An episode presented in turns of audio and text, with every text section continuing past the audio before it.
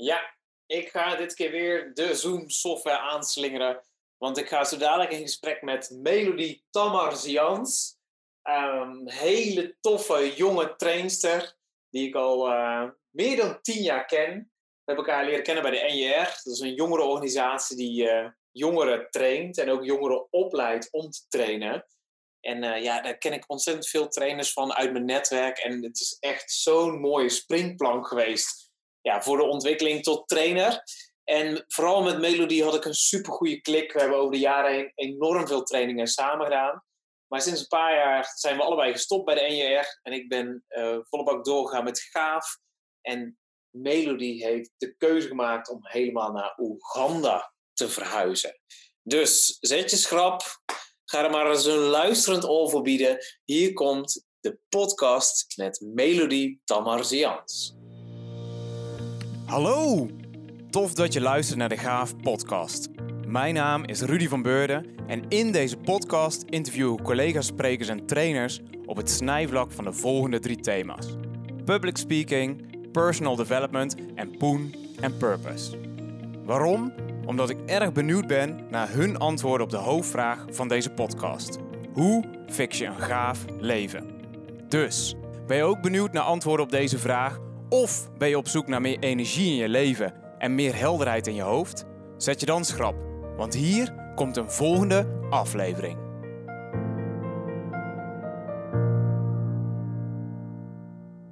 Nou, daar aan de andere kant van de lijn, in Rotje Knor, met een rode trui op een rode brand. Bang. Wat niemand kan zien, maar ik net wel, want ik heb even met de video gespiekt. Zit niemand minder dan Melody Tamarzians. Yay! Spreek ik het überhaupt wel goed uit? Melody? Ja, zeker man. Het kan ook niet anders na twaalf jaar, toch? Nee, inderdaad. We kennen elkaar al zo ontzettend lang. Via de NJR in Utrecht. Wat een super toffe plek is dat. Ja. Echt, er is een leven voor en na NJR. Volgens mij vooral Jawel. allebei. Ja, klopt. Ja. Ja, ik was 29, drie jaar geleden toen ik daar stopte. Want ik dacht, ja, nu ben ik toch niet meer zo'n jongere. Dus ik moet even bye-bye zeggen. En jij? Ik, eh, vorig jaar, toen ik eh, eh, verhuisde naar Oeganda, toen dacht ik, ja, nu moet ik er wel uit. Maar ik vond het heel erg een ding. Ja, echt hè? Ook best wel moeilijk. Ja, heel grappig. Nee. want Normaal ben ik heel snel uitgekeken op alles. En ga ik Mhm. heel snel weg. Herkenbaar, maar er toch tien jaar blijven hangen. Hartstikke idee. Knijt lang. Ja, grappig hè? hey, maar de NJR, eh, ook wel de Nationale Jeugdraad, way, way back. Misschien toen wij net binnenstroomden. Maar NJR klinkt toch heel wat hipper. Een organisatie die eh, jongeren begeleidt met allerlei vette, toffe projecten door het hele land, lokaal, regionaal, maar ook een trainerspool heeft om jongeren te trainen op allerlei verschillende vaardigheden. En daar hebben we allebei in gezeten natuurlijk, de trainerspool. Ja. En daar kennen we elkaar van. Maar hoe ben jij überhaupt ooit de NJR binnengestroomd? Vanuit Rotterdam naar Utrecht. Ja. Nou, toen woonde ik nog echt in Zeeuws-Vlaanderen. En toen Oh, deed ik mee, volgens mij... eh, kon je, ja, ik deed mee aan het Nationaal Jeugddebat. En dan kon je natuurlijk vrij krijgen van school. Dus dat was super leuk. Dan ben je 15 of zo. En, eh, en daarna kon je re- solliciteren om procesbegeleider te worden. Dus dan ging je eigenlijk eh, de trainingen geven ook voor eh Nationaal Jeugddebat. Dat heb je ook gedaan volgens mij, hè? Ja, klopt. Ik heb dat uiteindelijk niet gedaan, want toen moest je op een bepaalde data ergens heen. En toen had ik een feestje, dacht ik, ja, doei. Oh. Maar toen werd ik teruggebeld voor, hé, hey, we hebben iets anders. We hebben een trainerspool, we gaan gevangenistrainingen trainingen doen in jeugdgevangenissen. Wil je daarvoor solliciteren? Toen dacht ik, ja, is goed, leuk. En daar heb ik jou ook ontmoet. Klopt. En ja, dat is nog steeds tot de dag vandaag weer het allerleukste wat ik ooit heb gedaan. In die jeugdgevangenissen trainingen geven. Ja, Wel echt dat was- vet. dat, dat, was- dat was eigenlijk al het hoogtepunt van ons trainersleven. Eigenlijk wel, hè? En daarna werd het allemaal veel braver en conventioneler. Ja. Maar het heeft ook wel echt heel erg gemaakt natuurlijk hoe je... Ik bedoel, meer weerstand krijg je nooit meer. Je leert Nee. wel je mannetje staan als trainer. Ja, klopt ja. Ja, oh man, dat is al zo ontzettend lang geleden. Hè? Maar daar hebben we heel veel voor afgereisd, hè? Heel Nederland door. Dat was ook natuurlijk altijd wel heel leuk. Want wanneer ga je nou echt door Nederland heen? Mhm. En eh, met allemaal verschillende trainers. Eigenlijk is het heel raar als je erover nadenkt. Want we gingen heel vaak stond je dan met een trainer die je totaal niet kende. Voor een groep die je niet kende. Een training die je eigenlijk nog nooit had gegeven. Maar dat deed je dan ook maar. Ja, echt. Je werd gewoon zo hard in het diepe gegooid. Ja, En dan was je 20, 21, 22 jaar, zoiets. ja. En dan maar gewoon dan? doen. Ja, de beste, die beter. ja, de bad. Het is toch het bad? Oh, Dat is echt zo vet. favoriet. Jongeren die gewoon niet wisten inderdaad wat woorden zoals debat of die beter betekenden. Het is toch het bad? Oh ja, echt zo geweldig.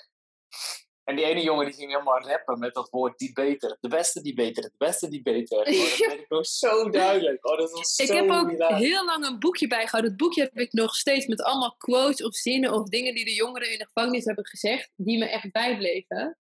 Maar dat vroeg die ik grappig vond. Ja, die coördinator. Ja, Ja, ja, echt. En douchey, weet je dat nog? ja, ja, dat was echt ons hoogtepunt, denk ik, samen. Ja, kun je die nog nou vertellen hoe dat ging? En hoe ging dat ook? Echt, volgens mij gingen we, we deden heel vaak natuurlijk een debat. Dus dan eh, stond je aan de eenskant of de oneens-kant. En Ja. eh, dan moest je elkaar een beetje overhalen. En één meisje ging, ik weet niet eens meer waar het debat over ging, maar in haar argumentatie gebruikte ze straattaal. En toen zei ze, maar het was een blond, keurig Nederlands meisje.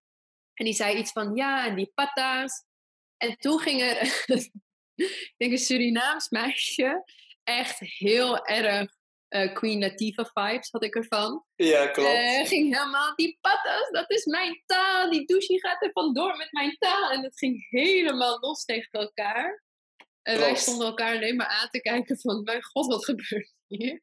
Ja, ik weet het ook. Het ging over straattaal en dan de stelling was iets van eh straattaal verslechtert de Nederlandse taal of zo. Of verloedert. Oh ja, dat ja. woord was waarschijnlijk te moeilijk.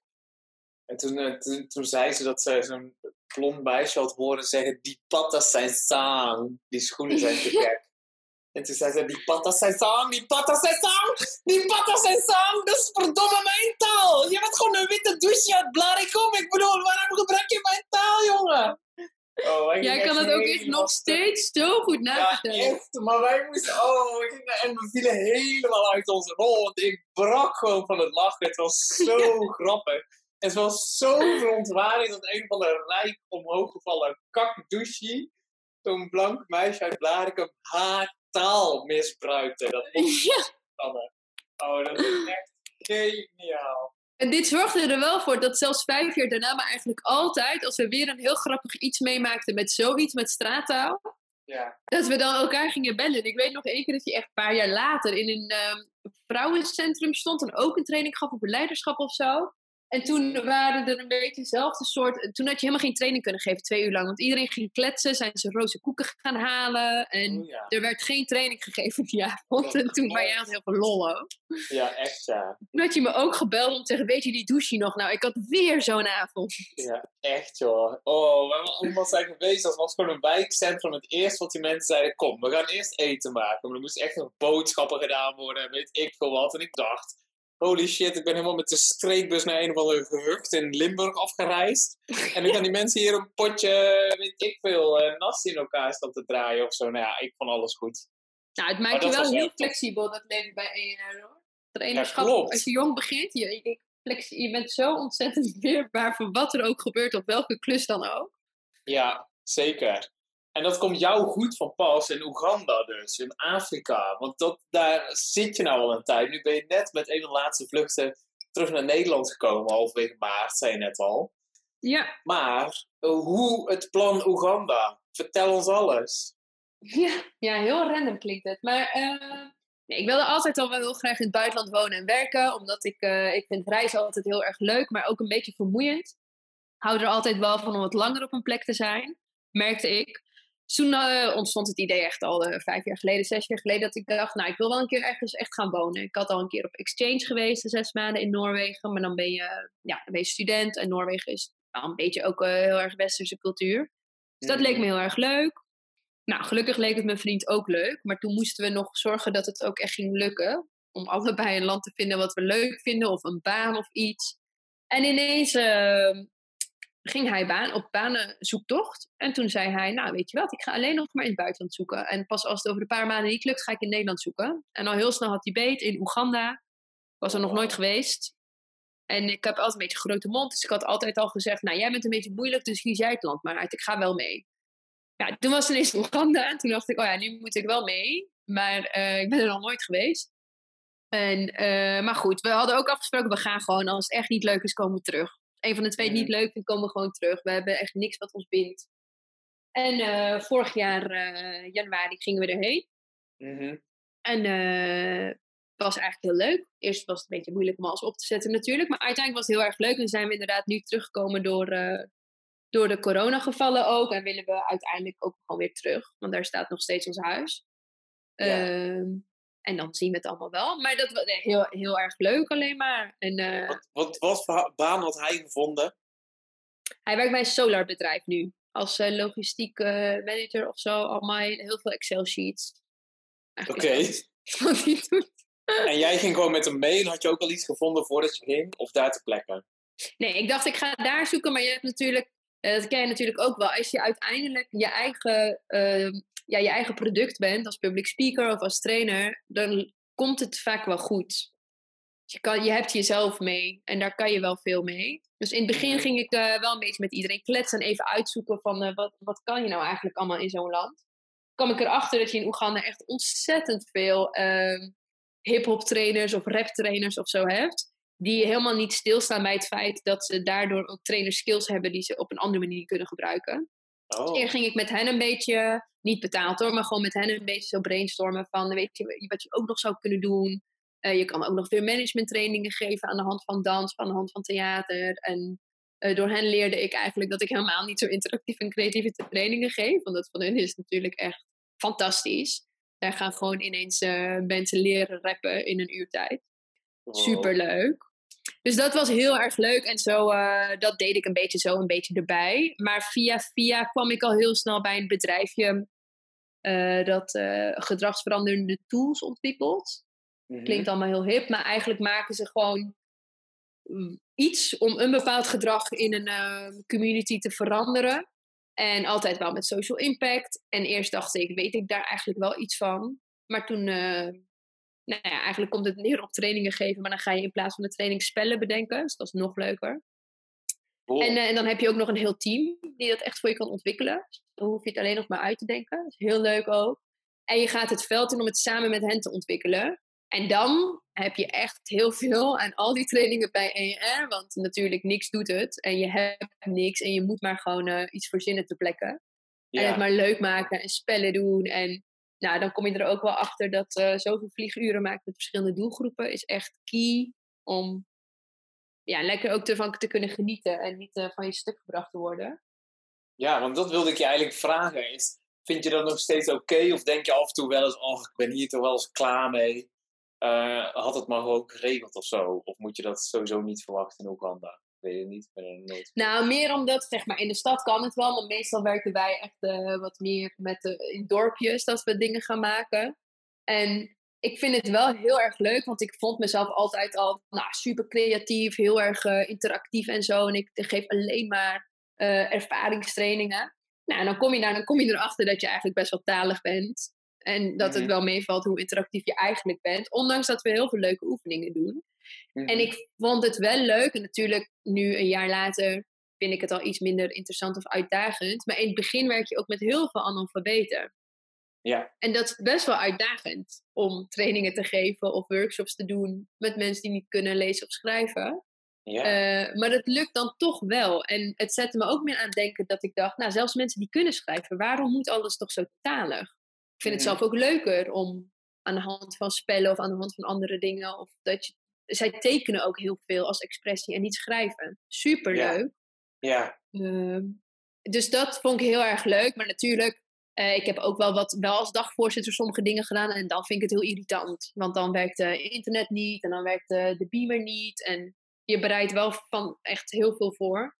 Ja. Dan vind ik het wel heel vervelend. Maar dan stel ik me er ook op in. Ik ben in de stad, ik ga een, uh, een conferentie of een sessie organiseren. Dan wil ik ook dat het loopt. Maar als ik echt het veld inga naar de dorpjes. Dan ga ik er eigenlijk vanuit dat toch niks te doet. En er niemand is. Ik kan Ja. altijd meevallen. Ja, ja, precies, precies. dan is het wel best bij de, eh, eh, dat we ook op pad gingen en dan eh, zouden er 15 mensen zijn en er waren er maar drie of vier of zo. Dus ja, Ja. roeien met de riemen die je had. Zeker. Maar dat is wel, het, het is ook wel leuk, want ik merk het ook soms wel aan andere collega's, eh, of in Oeganda of in Nederland hoor. Ik denk wel echt dat je daardoor gewoon, naast dat je, naast dat je jezelf wel je, je training weet af te maken, of dat je je mannetje wel weet te staan, geniet je er ook meer van, denk ik. Ik heb dat wel heel erg geleerd, dat dat stukje van verwachtingen, blijkbaar heb ik dat bij de ER geleerd. Dat je, als je al met volle verwachtingen ingaat, ben je sowieso teleurgesteld. Ja, je En je hebt jezelf ook alleen als je een training geeft. Je, ja, je kunt nergens anders op terugvallen dan jezelf. Dus het is wel, vooral als jij ervan geniet, gaat iedereen toch wel mee. Ja, ja, dat is ook wel iets herkenbaars van hoe meer groepen je doet of welk type opdrachtgever je hebt of zo. Op een gegeven moment word je steeds fijngevoeliger om die verwachting van tevoren al realistischer in te zetten of zo. Ja. Niet te hoog, niet te laag. Ja, klopt. Ja, dat ja, dat heb ik soms ook wel echt van jou geleerd hoor. Dat ik eh, wel eens. eh, dan, dan, kon, dan werd ik onzeker na een training. Want dan had van de 20 mensen, vond 19 het echt fantastisch. En één iemand vond het moi. En dan Mhm. dacht ik, nou, ik ben toch ook helemaal geen goede trainer dan. En dat je ook wat meer leert van, ja, maar dat, dat kan gewoon niet. Je kan niet iedereen meenemen. Zelf heb je soms ook geen zin om te leren. Dat is super menselijk. Ja, ja, dus dat moet je ook zeker niet verwachten. Nee, klopt. Anders heb, ja, dan heb je alleen maar jezelf mee. En gewoon meer dan 95% vond het gewoon goed en oké en fantastisch. Ja, kijk Ja. daarna in plaats van naar die kleine 5%. Ja, ja dat, dat kan ik wel eh, best wel goed relativeren, denk ik. Ja. Hey, maar als je het dan over van die spellen hebt met analfabeet, want dat vind ik wel... Wat zijn dan spellen, ehm, hele praktische dingen? Wat is een spel wat je toepast of zo om, om, om de groep Eh, mee te krijgen of een kennismaking te maken? Of... Nou, het leuke is wel, energizers en zo, en dat soort zeg maar ijsbrekers, dat vinden ze echt fantastisch.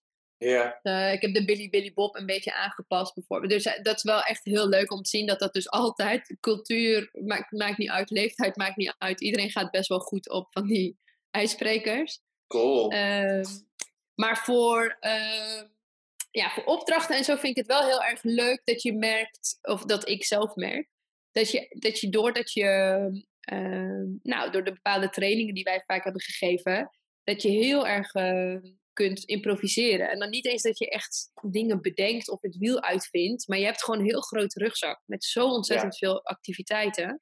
ja, En dat is heel leuk. Dus ik heb ook wel eens gehad dat we. eh, dat ik ineens dacht, oeh, wacht, ik ga een soort van over de streep doen. Maar dan zeg ik wel een stelling en dan moet ze eh, zeg maar eens of oneens gaan staan. ja, Dat is natuurlijk helemaal geen, eh, dat heb ik niet uitgevonden. Maar dat wordt nooit gedaan op die manier. En het Nee. geeft mij veel beter. Dus dat heb ik niet gebruikt in een training, maar eigenlijk in een soort van test. Wij moesten gaan testen of dat onze materialen werkten.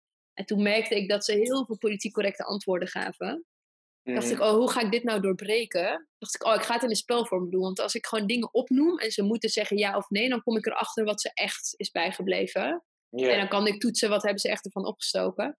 En dat, ging, dat is natuurlijk echt heel simpel. Maar nu doen we het heel vaak. Als we iets moeten testen, doen we het zo. Eh, Oh. Of één keer wilden we ze wat leren over eh, een beetje inzicht krijgen in hoe je prioriteiten stelt. In hoe ze hun geld uitgeven bijvoorbeeld. En toen heb ik, ik heb wel designers in mijn team, dat is heel fijn. Dus die hebben toen allemaal schetsen gemaakt van allemaal dingen die je kan kopen. We gaven iedereen tien stenen en we gingen het spel gewoon even spelen. Dan konden we achteraf zeggen, nou, jullie zijn bijna allemaal failliet gegaan. Dus Ja. wat heb je fout gedaan? Het is natuurlijk heel, het is allemaal heel simpel. Maar dat komt Ja. echt wel door met die jongeren werken. Als je al zelf heel jong bent, ja, je moet het spelen doen. ja, Ehm, zeker.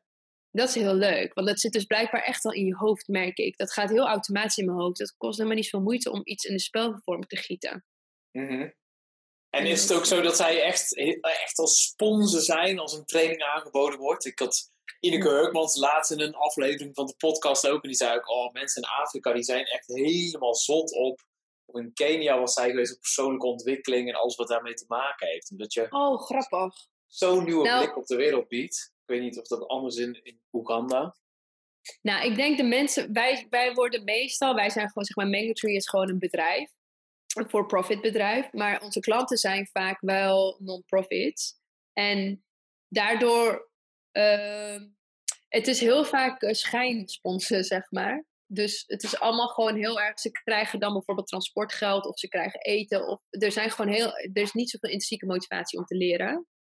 Heb ik gemerkt. En dan heb ik het over een specifieke doelgroep hoor. Dus je hebt wel meer de, de jongeren in de stad die dat heel graag willen. Mhm. Eh, en persoonlijke ontwikkeling wordt ook wel soms als iets heel softs en westers gezien. Oh, echt? Ehm, dus dat vind ik wel heel interessant, dat ik daar iets meer mee bezig ben met hoe kan je dat nou cool maken? Of hoe kunnen we het op een manier brengen dat het wat meer raakt ook. Ja. Want waar Ehm, hebben ze de focus dan wel op? Je noemde al hip-hop en rap bijvoorbeeld, muziek maken, maar zijn er ook veel hardere skills of zo? Bijvoorbeeld selling of eh, onderhandelen of zo, waar ze dan wel. Ja, ehm, nou, er worden wel veel training. Nou, sowieso is het dat is wel heel Oegandees ook hoor. Maar in Ghana is het echt vooral ehm, de meest, de, de oudste man vaak. Die gaat gewoon heel lang praten en dat is een training. Dus dat is natuurlijk heel traditioneel zenden. En dan is het vaak een bepaalde theorie die ze delen. Maar eh, echt skills zit ik ook te denken. Zeg maar presentatie of pitch skills wordt wel iets meer gegeven. Maar Mhm. eigenlijk kunnen ze dat supergoed. Want bijna iedereen zit in een kerkgroep en die preken ook vaak. Ze zijn echt heel comfortabel, heel zelfverzekerd. Super verhalend, heel erg met storytelling bezig. Van nature. Ja. Eh, dus dat kunnen ze eigenlijk al heel goed. Maar bijvoorbeeld leiderschap of zo.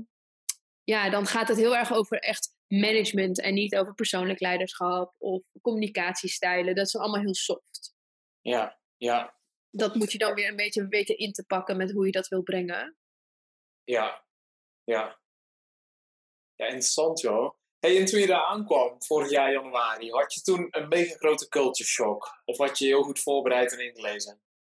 Ehm, nee, ik had, ik had me niet echt voorbereid. Ik had. ehm, ja, ik had wel een beetje een culture shock, omdat ik ineens heel afhankelijk werd van. ehm, ik had eh, nou, gewoon, zeg maar, die eerste dagen heb je geen simkaart. eh, je kent de weg niet, maar eigenlijk de Boda Bodas, dus die motors die dan als openbaar vervoer gelden, die eh, weten de weg ook helemaal niet. Dat, ehm, en ik ben wel snel geïrriteerd dan hoor. Dus dan noem ik een straatnaam op en die kent dan niemand. En dan word ik helemaal chagrijnig. Want dan Oh durfde ik ook niet met mijn telefoon achterop te zitten. Want dan werd me weer gezegd, dan wordt het gestolen. Je weet nog Oh niet echt hoe- wat je moet. Maar Mhm. eh, echt binnen best wel korte tijd leer je ook van... Oh, maar ik ken zelf de weg. En we moeten gewoon met land... eh, eh, hoe heet dat? Ehm, eh, zeg maar plekken werken die ze kennen. Dus dan zeg ik gewoon links bij de, bij de bank. Nou, en dan weet ze wel waar het is. Ja, Ehm, en het is wel. ehm, ik vond het leukste wel dat iedereen dus best wel een beetje chill is. Wat heel vaak wordt gezien als Afrikaans. En dat is het echt helemaal niet. Want Kenianen zijn super rammend en die gaan ervoor en go-getters. Maar Oegandese zijn wel echt chill en relaxed. ja, En dat iedereen lekker rustig aandoet. En ik vond het vooral grappig om te merken dat ik dan heel boos en geïrriteerd werd. En het kon niemand iets schelen. Ik was gewoon chagrijnig elke dag. En iedereen Ja. is gewoon vrolijk, lachend, en rustig. Ik vond het ook wel weer heel leuk om te zien dat ik dacht, volgens mij heb, heb ik meer cultuurshock met mezelf ook. Dat ik merk hoe ontzettend opgefokt ik ben geweest. Omdat alles altijd zo doorgaat in Nederland. Ehm, en dat ik daar merkte dat dat gewoon niet kan. En ben je daar dan nu in veranderd? Eh, ja, een beetje. Ik merkte het wel toen ik... Volgens mij tien maanden zat ik in Oeganda voor, toen we weer naar Nederland kwamen. Toen schrok ik wel echt in Nederland. Vond ik het ook heel heftig en heel snel. En ik vond het vooral heftig omdat ik dacht... Ja, ik hoorde wel altijd bij de meest snelle ook wel in Nederland. Ja, zeker. Dus Echt, Dat, eh Roger dus- Rabbit of eh, hoe heet die snelle, snelle Speedy Gonzales typisch. Speedy Gonzales, ja. Ja, Ja, want ik zag nu ook mensen rennen naar een tram die elke drie minuten ging. Toen dacht ik, ja, dat deed ik ook echt wel hoor, altijd. echt hè. Ja. Dat is echt niet oké. Maar ik viel er ook wel weer na drie dagen ook weer lekker in. En ehm, in Oeganda had ik wel... Ik had mijn dagen. Soms kon ik het heel goed hebben. En kon ik er ook super erg om lachen. Dat je dan weer achterop stapt en die weet de weg niet. Of de tank is leeg. Oh, dan gaan we ook nog even tanken. En allemaal prima. En er waren Mhm. dagen dat het me echt niet aanstond. Maar het allerleukste vond ik wel... Die mensen zijn gewoon zo ontzettend vriendelijk en vrolijk. En dat zijn echt wel...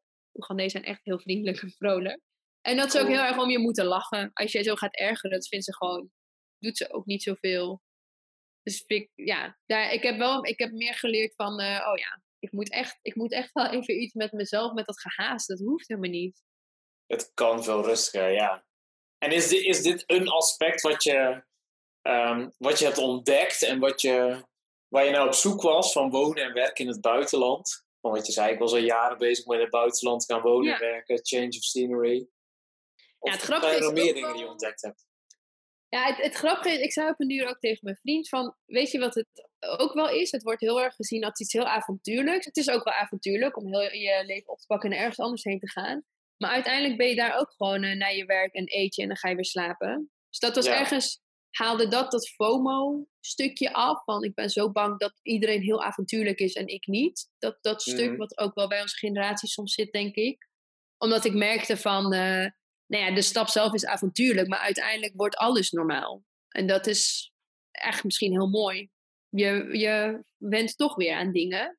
Ja, Ehm, en het andere, ik heb er wel denk ik wel echt uitgehaald, maar dat komt, eh, ja, dat ik dus eigenlijk door mijn omgeving heel erg ook opgejaagd word. Want daar was ik wel rustiger, ik voelde gewoon minder stress, ik voelde me minder verantwoordelijk voor mijn werk of alles. Omdat iedereen daar zo mee omgaat. ja, Eh, en ik denk eigenlijk, nou, ja, nu ben ik weer zes weken in Nederland en zit ik wel weer redelijk, eh, ja, voel ik toch wel weer de druk van alles ook wel. Dus dat is Ja. toch wel iets Nederlands of de sociale omgeving of en de manier hoe ik ermee omga. Mhm. Dat heb ik wel daar geleerd, maar ik hoop ook dat ik nu wat meer ga, dat ik nog terug kan om het te leren vasthouden. Ehm, dat zo. En verder heb ik eh, ook wel heel erg geleerd wat ik heel erg mis. Dat ik, eh, nou ja, net als bijvoorbeeld met jou ook, maar wel met meer mensen, ook echt heel veel van EER nog. Gewoon met heel veel inspirerende mensen omgaan die je ook steeds weer uitdagen. Eh, dat ik dat daar heel erg heb gemist. Een clubje hebben die je altijd even mee kan sparren of brainstormen of een leuke training meedoet of nieuwe mensen ontmoet. ja, Eh, dus dat is ook goed. Ik heb wel iets meer gewerkt van waar haal ik nou echt mijn energie dan uit in het leven. mhm. eh, en dat wat- is? Ja, mensen en verbinding. Dat is echt. En via, dan echt fysiek, zeg maar. Ja, een beetje impuls, maar ook echt dat. eh, want ik vind het ook interessant, van dan zit ik natuurlijk op afstand van mijn vrienden. Hoe ga ik dan met de relaties ook om? Mhm. En dat ik eigenlijk dat virtuele en daar ben ik gewoon ook niet zo van. En ik kom er Mhm. ook achter dat het helemaal prima is, maar dat ik, ik haal gewoon veel meer energie uit eh, iemand face-to-face. Gewoon nieuwe mensen, inderdaad. Ja, Eh, en dat je echt die onverdeelde aandacht hebt. Hè? En dat virtuele, dat, dat haalt nog niet helemaal natuurlijk bij wat, Nee, wat het in het echtje is. Ja, nee. ja dat, En dat, dat- merk ik ook. Dat merkt iedereen nu, denk ik wel. Wat hun voorkeur ook is en hoe ze dat willen. Dus dat is ook Ja. eh, een spannende tijd nu. Ja. Maar dat- ja, ik, vanochtend luisterde ik een podcast met eh, die documentairemaker. Tourou of zo, Louis Tourou. Oh. Louis. Oh ja, helemaal fan het uit? van. Ik weet het niet Louis eens. Theroux. Ja, en die spreekt ja, toch wel. Die spreekt dus met allerlei andere mensen. En dan zegt hij, ja, dan ben ik gewoon aan bellen met mensen die ik anders nooit te pakken krijg. En soms zit ik zelfs nog gewoon in mijn pyjama, weet je wel, een beetje grappig. Dat maakt hij dan voor de BBC. Ja, Ehm, en die zegt, ik denk echt dat er heel veel mensen die en anxiety problemen hebben. Dus helemaal prikkelmoe zijn en zo. Vooral van die hele opgefokte westerse landen, de UK en, en Nederland ja. dat die ook de coronatijd wel weer gaan missen. Omdat ze juist nu minder klachten hebben. Omdat ze binnen zitten, er zijn minder opties. Het is gewoon chiller. Ehm, dat is gewoon weer de andere kant van het spectrum, weet je wel. Dat die juist ook blij zijn met sommige facetten van nu. Omdat ook heel veel Geloof ik ook is. wel. Heb Herken jij dat je- zelf ook niet? Ja, wel. Dat ik ook dat ik thuis zit. Kijk, weet niet, dat heb ik altijd. Ik heb ook een podcast gedaan ook met Jos Burgers. Die neemt elk jaar twee maanden sabbatical. En dan tegen het einde van de sabbatical komen zijn opdrachten er weer aan. En dan denk je, oh, kan ik het wel? Weet ik nog wel eh, hoe het moet? En dat Ja. heb ik ook wel als ik langere tijd thuis zit. Terwijl als je meteen weer in die rollercoaster zit, ja, dan ga je weer als, als nooit tevoren, weet je wel. Gewoon Ja, dus ja, echt omarm wat je nu hebt. Want die rust en chill en je boekenkast op kunnen ruimen. Of weet ik veel, eh, je kledingkast helemaal uitsorteren volgens Marie Kondo. Dat kan allemaal Ja. nu. Terwijl als je straks weer moet werken, werken, werken, dan kan dat weer niet. Dus dat is wel, ja, daar Ja. probeer ik wel heel bewust van te zijn. ja, ik denk ook wel meer mensen. Ik ben ik heel benieuwd. Ik vind het ook altijd heel interessant, zo'n sociologisch experiment bijna. Wat, eh, hoeveel mensen het vol weten te houden. Of er nou ook echt dingen gaan veranderen of niet.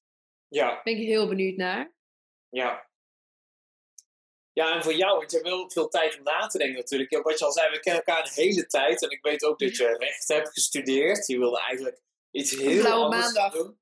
Een maar blauwe vijf jaar maandag. lang. Nou, je hebt het toch helemaal netjes afgemaakt. Je hebt Ja, en het linkt wel, hoor. Alles. Het komt allemaal wel ook wel samen.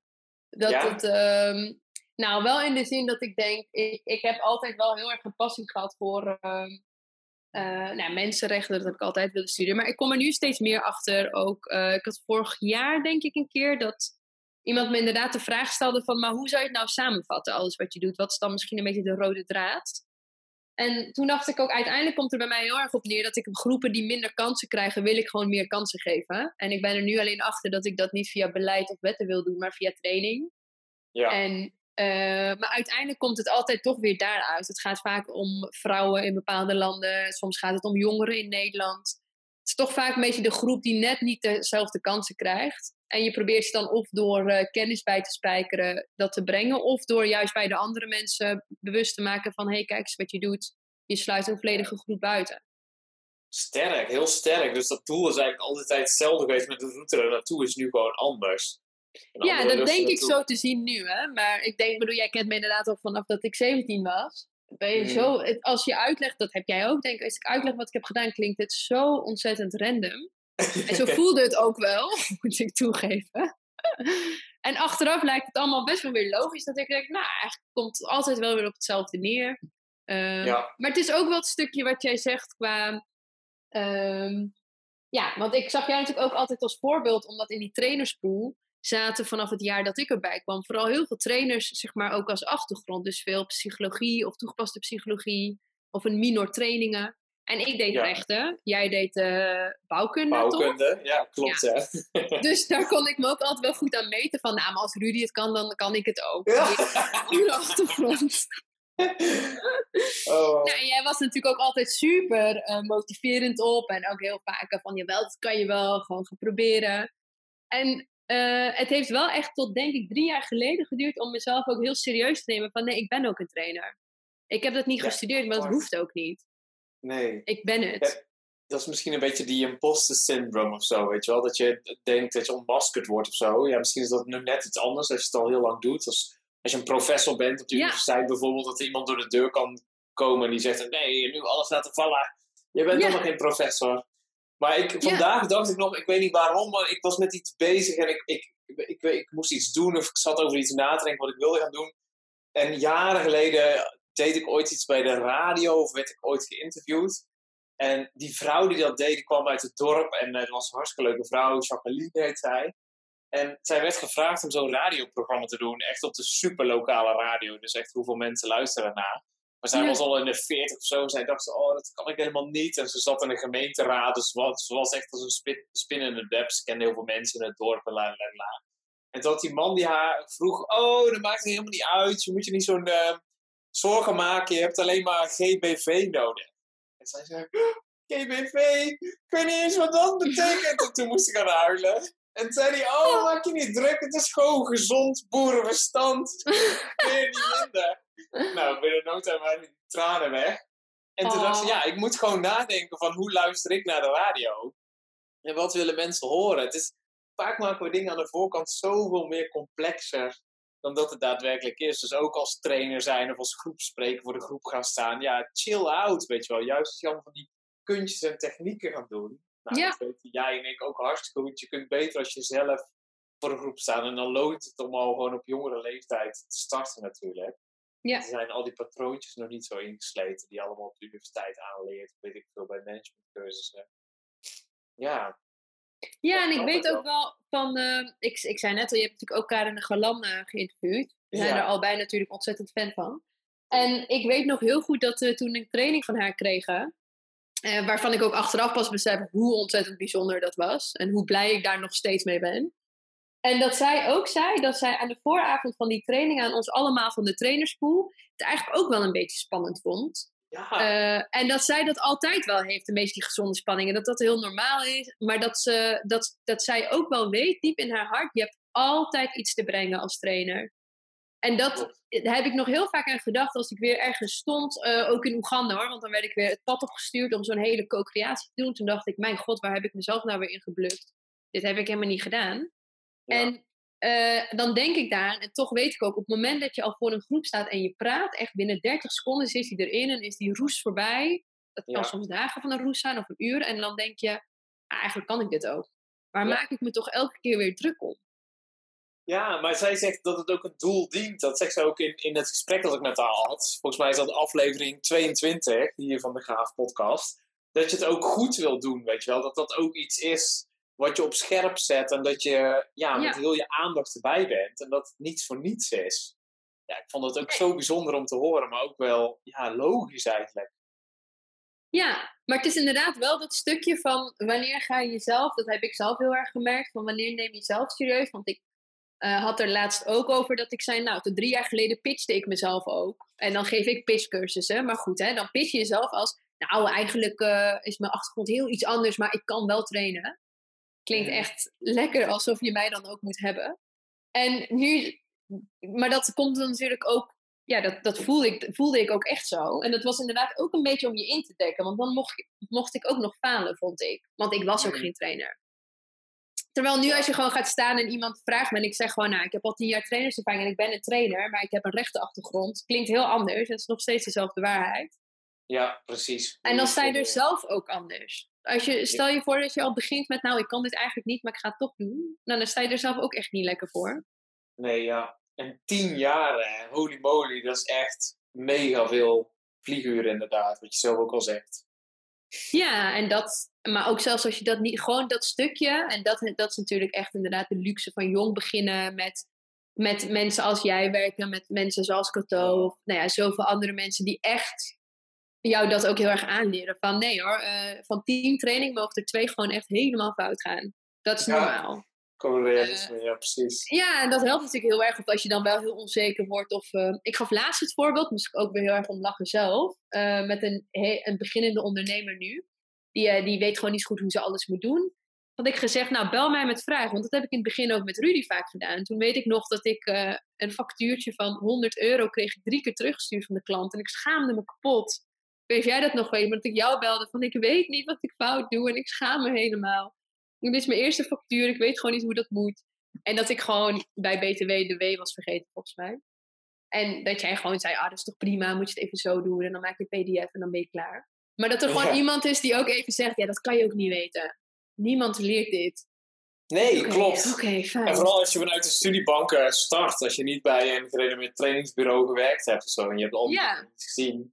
Ja, en ook prijsbepalingen en zo, prijsprofielen. Ja, dan moet je een beetje uit de duim zuigen. Of uh, links-rechts een beetje afkijken inderdaad. Om met mensen te praten. Ja. En als je nou naar je werk kijkt, je zegt eh, helemaal op het begin zei je al, goh, die dingen in de jeugdgevangenis, die waren echt super, super vet natuurlijk. Ja. Maar is er iets waar je echt heel trots op bent, naast dat? Dat je ooit voor een groep hebt gestaan, of dat het zo'n toffe vibe was, of waarvan je echt dacht, ehm. wauw. Ja, uh, nou, inderdaad, uh, voor de jeugdgevangenissen en ook nog een paar met jongeren werken. Dat, dat project van Youth Leaders ken jij ook. Dat deden we ook met EER, met uh, wat achterstandswijken en dan een heel leiderschapsprogramma. Ja. Eentje die ik ook wel heel leuk vond, is omdat het toen voor mij heel erg het kwartje dat moment viel, is dat ik uh, toen de rol van Youth Ambassador heb gehad bij het ministerie van Buitenlandse Zaken. En toen zat ik dus echt in een beleid lobbyrol. Uh, en dat dacht ik echt super goed te doen. Ik was wel echt heel onzeker ook of ik het allemaal goed deed. En toen was ik na één jaar en tien maanden klaar daarmee. En iedereen uh, noemde mij een trainer. Dus toen dacht ik ook, hallo, ik was een lobbyist. Uh, ik ben geen trainer. Waarom herkent iedereen me steeds als een trainer? Dus toen, dat was ook omdat dat een beetje bij mij viel. En toen moest ik mijn afscheid doen, een afscheidspresentatie. Van hey, uh, hartstikke leuk jaar gehad. Dit zijn nog een paar aanbevelingen en houdoe. En toen heb ik, dacht ik, nou, nu ga ik hem ook ownen. Ik ga geen presentatie geven, maar ik ga ze echt uh, even confronteren met iets, mijn eigenlijke aanbeveling. Ik ga ze gewoon confronteren met iets wat ze eigenlijk altijd al fout doen. En dat ga ik met een spelletje doen zonder dat ze het doorhebben. En ik ga het ook gewoon zelf zo'n beetje faciliteren. Dus dat was, dat was ik heel trots op, omdat het echt werkte. Ik wilde ze laten inzien dat ze heel vaak jongeren helemaal niet op een leuke manier erbij betrekken, maar meer als een checkbox. En toen heb ik een eh, hele quiz gemaakt over mezelf. En eh, sommige mensen de antwoorden toegeschoven en anderen niet. En uh, gedurende die, die, die quiz heb ik eigenlijk mijn presentatie gedaan. Dus aan de hand van die quiz gaf ik ook steeds de juiste antwoord. En dan wisten ze echt hoe mijn jaar was geweest. En hebben ze alles meegekregen wat ik eigenlijk in de presentatie wilde doen. Mhm. En aan het einde kon ik dus zeggen, nou, wie, uh, wie heeft er gewonnen? Nou, er hadden maar een paar gewonnen. En waarom dan? En omdat zij de antwoorden hadden. En mijn idee was om ze daarmee dus aan te tonen van, dit is een beetje wat er gebeurt vaak. Je haalt jongeren aan tafel, maar je brieft ze niet, je legt ze niks uit. En wordt dan wel weer bevestigd dat ze het niet weten. En dat was ook een beetje met mij gebeurd, al anderhalf jaar lang in een hele stressvolle positie, zonder veel begeleiding. Um, en daardoor kon ik ook niet presteren zoals ik wel had gewild. En dat kwam heel erg bij ze aan. Um, op die manier, zonder dat ik het zou zeggen. Maar ik vond het ook heel leuk, omdat ik toen voor mezelf echt dacht, nou, nu own ik hem ook. In welke rol ik ook ben, ik ben gewoon trainer. En dat Hoe- moet ik zelf gewoon gaan omarmen. Ja, En dan, wat eh, fijn om je eigen labeltje zo te vinden. Of in ieder geval de rol die bij je past. ja, Als muzikant op de verkeerde plek eh, in, het, eh, in, het, in de band zit, ja, dan loopt het ook niet lekker. Maar gewoon goed, joh. Super fijn. Mooi voorbeeld dit. Ja, en ik vind het ook wel heel leuk om. ehm, eh, ik, want ik weet ook nog dat ik twee jaar daarvoor nog echt aan het solliciteren was als een gek. En zo ontzettend vaak afgewezen. Gewoon ontelbaar. En dat jij, maar ook Jere en anderen wel zeiden van. Maar waarom solliciteer je daarop? Jij hebt toch al werk? Ja, maar dat is niet serieus. Ik ben geen trainer, dat was voor erbij. En gewoon heel grappig ook dat stukje gewoon zelf ontkennen of negeren. Of tot echt iedereen naar je gaat schreeuwen van je bent een trainer, hou nou eens op. ja, als je je daar ook goed bij voelt natuurlijk. Nee, tuurlijk, maar wel dat je dus eigenlijk dan pas beseft van ja, wat vind ik echt het allerleukste? Oh ja, ja, eigenlijk is misschien is dat mijn antwoord. Ja, misschien moet ja, ik niet naar andere dingen kijken. Ja, ja. hey, en ik weet dat je nog eventjes hebt, want daarom ben je er vandoor. Maar super fijn dat je tijd maakt en dat we lekker kunnen zoomen zo. Ik vind echt die focus van jou dat je mensen wil bijstaan. ehm, ehm, ja, minderheden, maar ook mensen die wat zwakker zijn of, of groeperingen. Ja, je, je verwoordt het net zo sterk. Maar komt dat ook, die drive en die passie vanuit je roots en de roots van je familie? Is dat, is dat daardoor ingegeven of, of wat triggert dat zo bij je- Ja, daar heb ik zelf ook wel veel over nagedacht. Ik denk deels wel ook wel door mijn roots. Ik ben natuurlijk eigenlijk Iraans. Eigenlijk, ik ben Iraans. En... Ontmaskerd.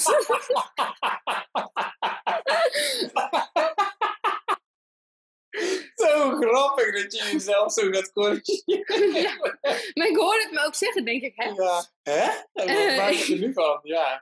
Ik, ik ben full Iraans. Nee, we zijn natuurlijk ook gevlucht en ik was heel jong en ik heb er eh, echt, eh, denk eigenlijk geen enkele bewuste negatieve herinnering aan.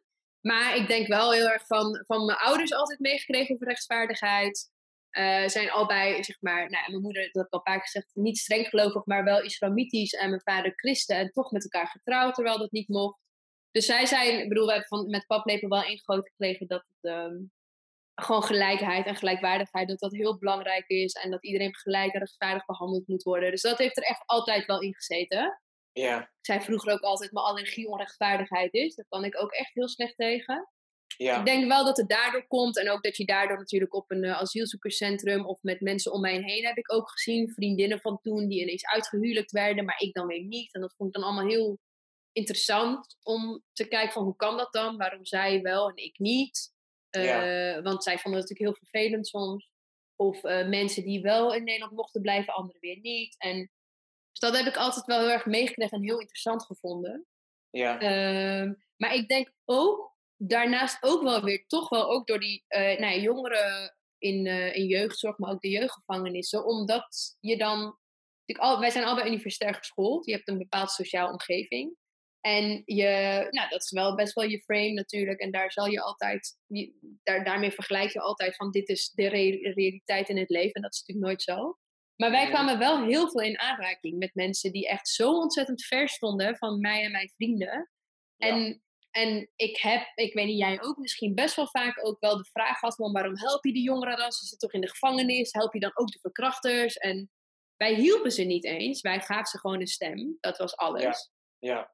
Eh, maar daardoor kreeg je natuurlijk ook heel erg kreeg ik, denk ik, en ik denk jij ook, en veel meer met ons, veel meer empathie ook met hun leven en hun achtergrond. En, Ja, en wat het betekent om andere kansen te hebben. En dat sommigen gewoon met min 10 achter staan. En waarom ga, dan kan je ze gewoon niet vergelijken met jouw leven. En als je Ja. dat dan al zo jong, ik denk dat je dan, ja, dan ben je 17, 18, super kneedbaar. En je krijgt dat allemaal mee en die verhalen. En altijd heel indrukwekkend natuurlijk. Ja, ja dat ik weet best wel wel eentje veel. met leefde. Er was één jongen van 15 en die zei: Ik vertrouw helemaal niemand meer. Ja. Niemand. En dan Oh. meteen in je eigen hoofd schiet je naar, ja, en wat dan je ouders of zo, van hoe dan, hoe is dit mogelijk, hoe kun je zoiets zeggen? Ja, En nog zonder dat je iets uitspreekt, zegt hij zelfs mijn ouders niet, mijn broers niet. Nou, en sommigen die vertellen wel iets meer over hun leven. En hij was gewoon sinds zijn achtste door zijn broers mee op, eh, op eh, hoe noem je dat, op, op dievenpad gegaan. En dan werd hij als klein jongetje via het klapraampje boven de keukendeur bij mensen naar binnen gelaten. Zodat hij van binnenuit de deur open kon doen. En dan jatten die broers gewoon heel die, die woning leeg. En hij is ooit Ja. een keer opgepakt en eh, erbij genaaid eigenlijk door zijn broers. En die zit dan vast in zo'n gesloten instelling. Ja, dan sta je daar echt met je mond vol tanden. Ja. En zit jij echt zorgen te maken dat je net voor een SO een 6,3 hebt gehaald. Ja. In plaats van een 8 die je wilde. Echt zo vergankelijk was het ook wel, eh, het universitaire leven. Maar echt nou, en het geeft dat, inzicht wel. Precies. En ik denk wel dat dat heel vaak, maar ook met heel veel MBO-jongeren natuurlijk gewerkt, waardoor. ehm, nou ja, gewoon heel dat stuk eromheen, dat ik dat ook wel merkte als mijn vrienden of zo wel eens iets zouden zeggen van. eh, eh, nou, dat werden natuurlijk heel lang gewoon leerlingen genoemd en dan HBO, BO werden studenten genoemd. Vond, vonden wij ook raar. Ik weet ook nog dat we het daar wel eens over hadden. Of dat je dan nou, gewoon het- vanuit alle trainingen van één jaar was natuurlijk altijd ook het positieve van jongeren. Dus je, wordt heel, je groeit dan, daarom denk ik ook in de tijd voor en na EER. Want niet alleen hebben we trainingschap geleerd en al die skills en dingen.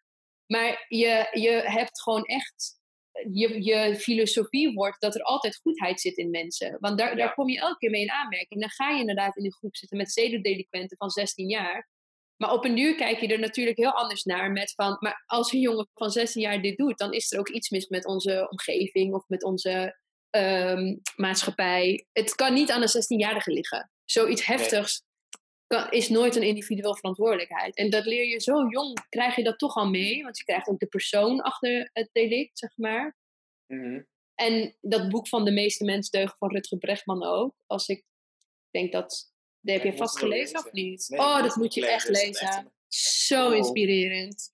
Ja, jij hebt sowieso goede boekentips. Want laatst heb ik dus een in-between aflevering gedaan over drie Favo boeken van me. En op één staat gewoon Shantaram, die ik van jou cadeau Oh, wat cool. In Ja. 2014 of zo. En echt duizend pagina's, maar zo ontzettend indrukwekkend en meeslepend verhaal. Ook over de goedheid van mensen, maar ook de donkere kant van Ja. mensen. Over reizen ook. Ja, echt zo'n rijk verhaal, joh. Echt ongelooflijk. Boeken kunnen ook wel veel doen natuurlijk. Zeker. Maar die, dit van Mens, Mens Deugd is echt ook een aanrader. Dat heeft me zo geïnspireerd om dingen anders ook te doen voor jezelf, in je werk. Echt heel, ja, heel cool. Oh, die ga ik echt scoren. Dat gaan we doen. Top. Hey, en je bent op zoveel plekken geweest. eh Zeeuws-Vlaanderen, Rotterdam, Nijmegen heb je gewoon Utrecht, Oeganda. Nu ben je even terug in Rotterdam. Waar, eh, waar ga je allemaal nog naartoe? Heb je vooral heel veel zin om terug te gaan naar Oeganda? Of ben je op, over vijf jaar weer heel erg anders? Heel veel zin om terug te gaan naar Oeganda. Maar uiteindelijk willen, wil ik ook wel gewoon in Nederland wel eh, terugkomen wonen. In ieder geval voor langere periode. En nou, we, hadden, we hadden heel veel plannen. Ik had en heel veel trainersklussen staan in verschillende landen. Dat leek me heel leuk. Had ik nu een paar en eh, wat reisjes en zo. Nou, alles is nu natuurlijk heel even van de planning. Maar ik hoop dat we gewoon zo snel mogelijk weer terug kunnen naar Oeganda. En dan nog voor één of twee jaar. En dan denk ik dat we weer terug naar Nederland komen. En wie weet Ja. ooit weer ergens anders. Maar ik waardeer Nederland ook heel erg hoor. En eh, dat vind ik ook prettig. We zijn nooit gevlucht. We zijn echt op avontuur gegaan. En dat is ook echt een fijn gevoel. Dat we altijd ook wel weer heel fijn vinden om terug in Nederland te zijn. En Fijne, veilige basis. Zeker. Nederland is een heel fijn land. Dat merk je nu met corona ook weer. Ja, Direct ja, in de actie geschoten. Ja. Cool, maar voorlopig dus nog even als creative director bij Mango Tree trainen in Oeganda.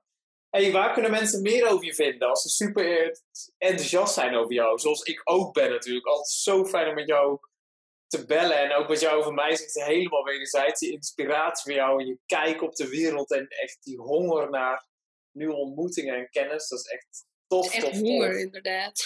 Ja. Nou, daar hebben we elkaar ook goed in gevonden. Ehm, ja, ik heb dus ehm, nog steeds geen website. Daar ben ik al vijf jaar mee bezig, denk ik.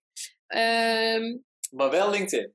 wel LinkedIn op Melodie Tamarsians. En, Ja. eh, Die zal ik even Ja. in de show notes zetten, zoals ze dat noemen bij de podcast. en anders mag iedereen altijd mailen of appen. Want eh, honger, hè? Honger naar nieuwe contacten. Ja, precies, zeker. Be careful, want je wordt echt overspoeld.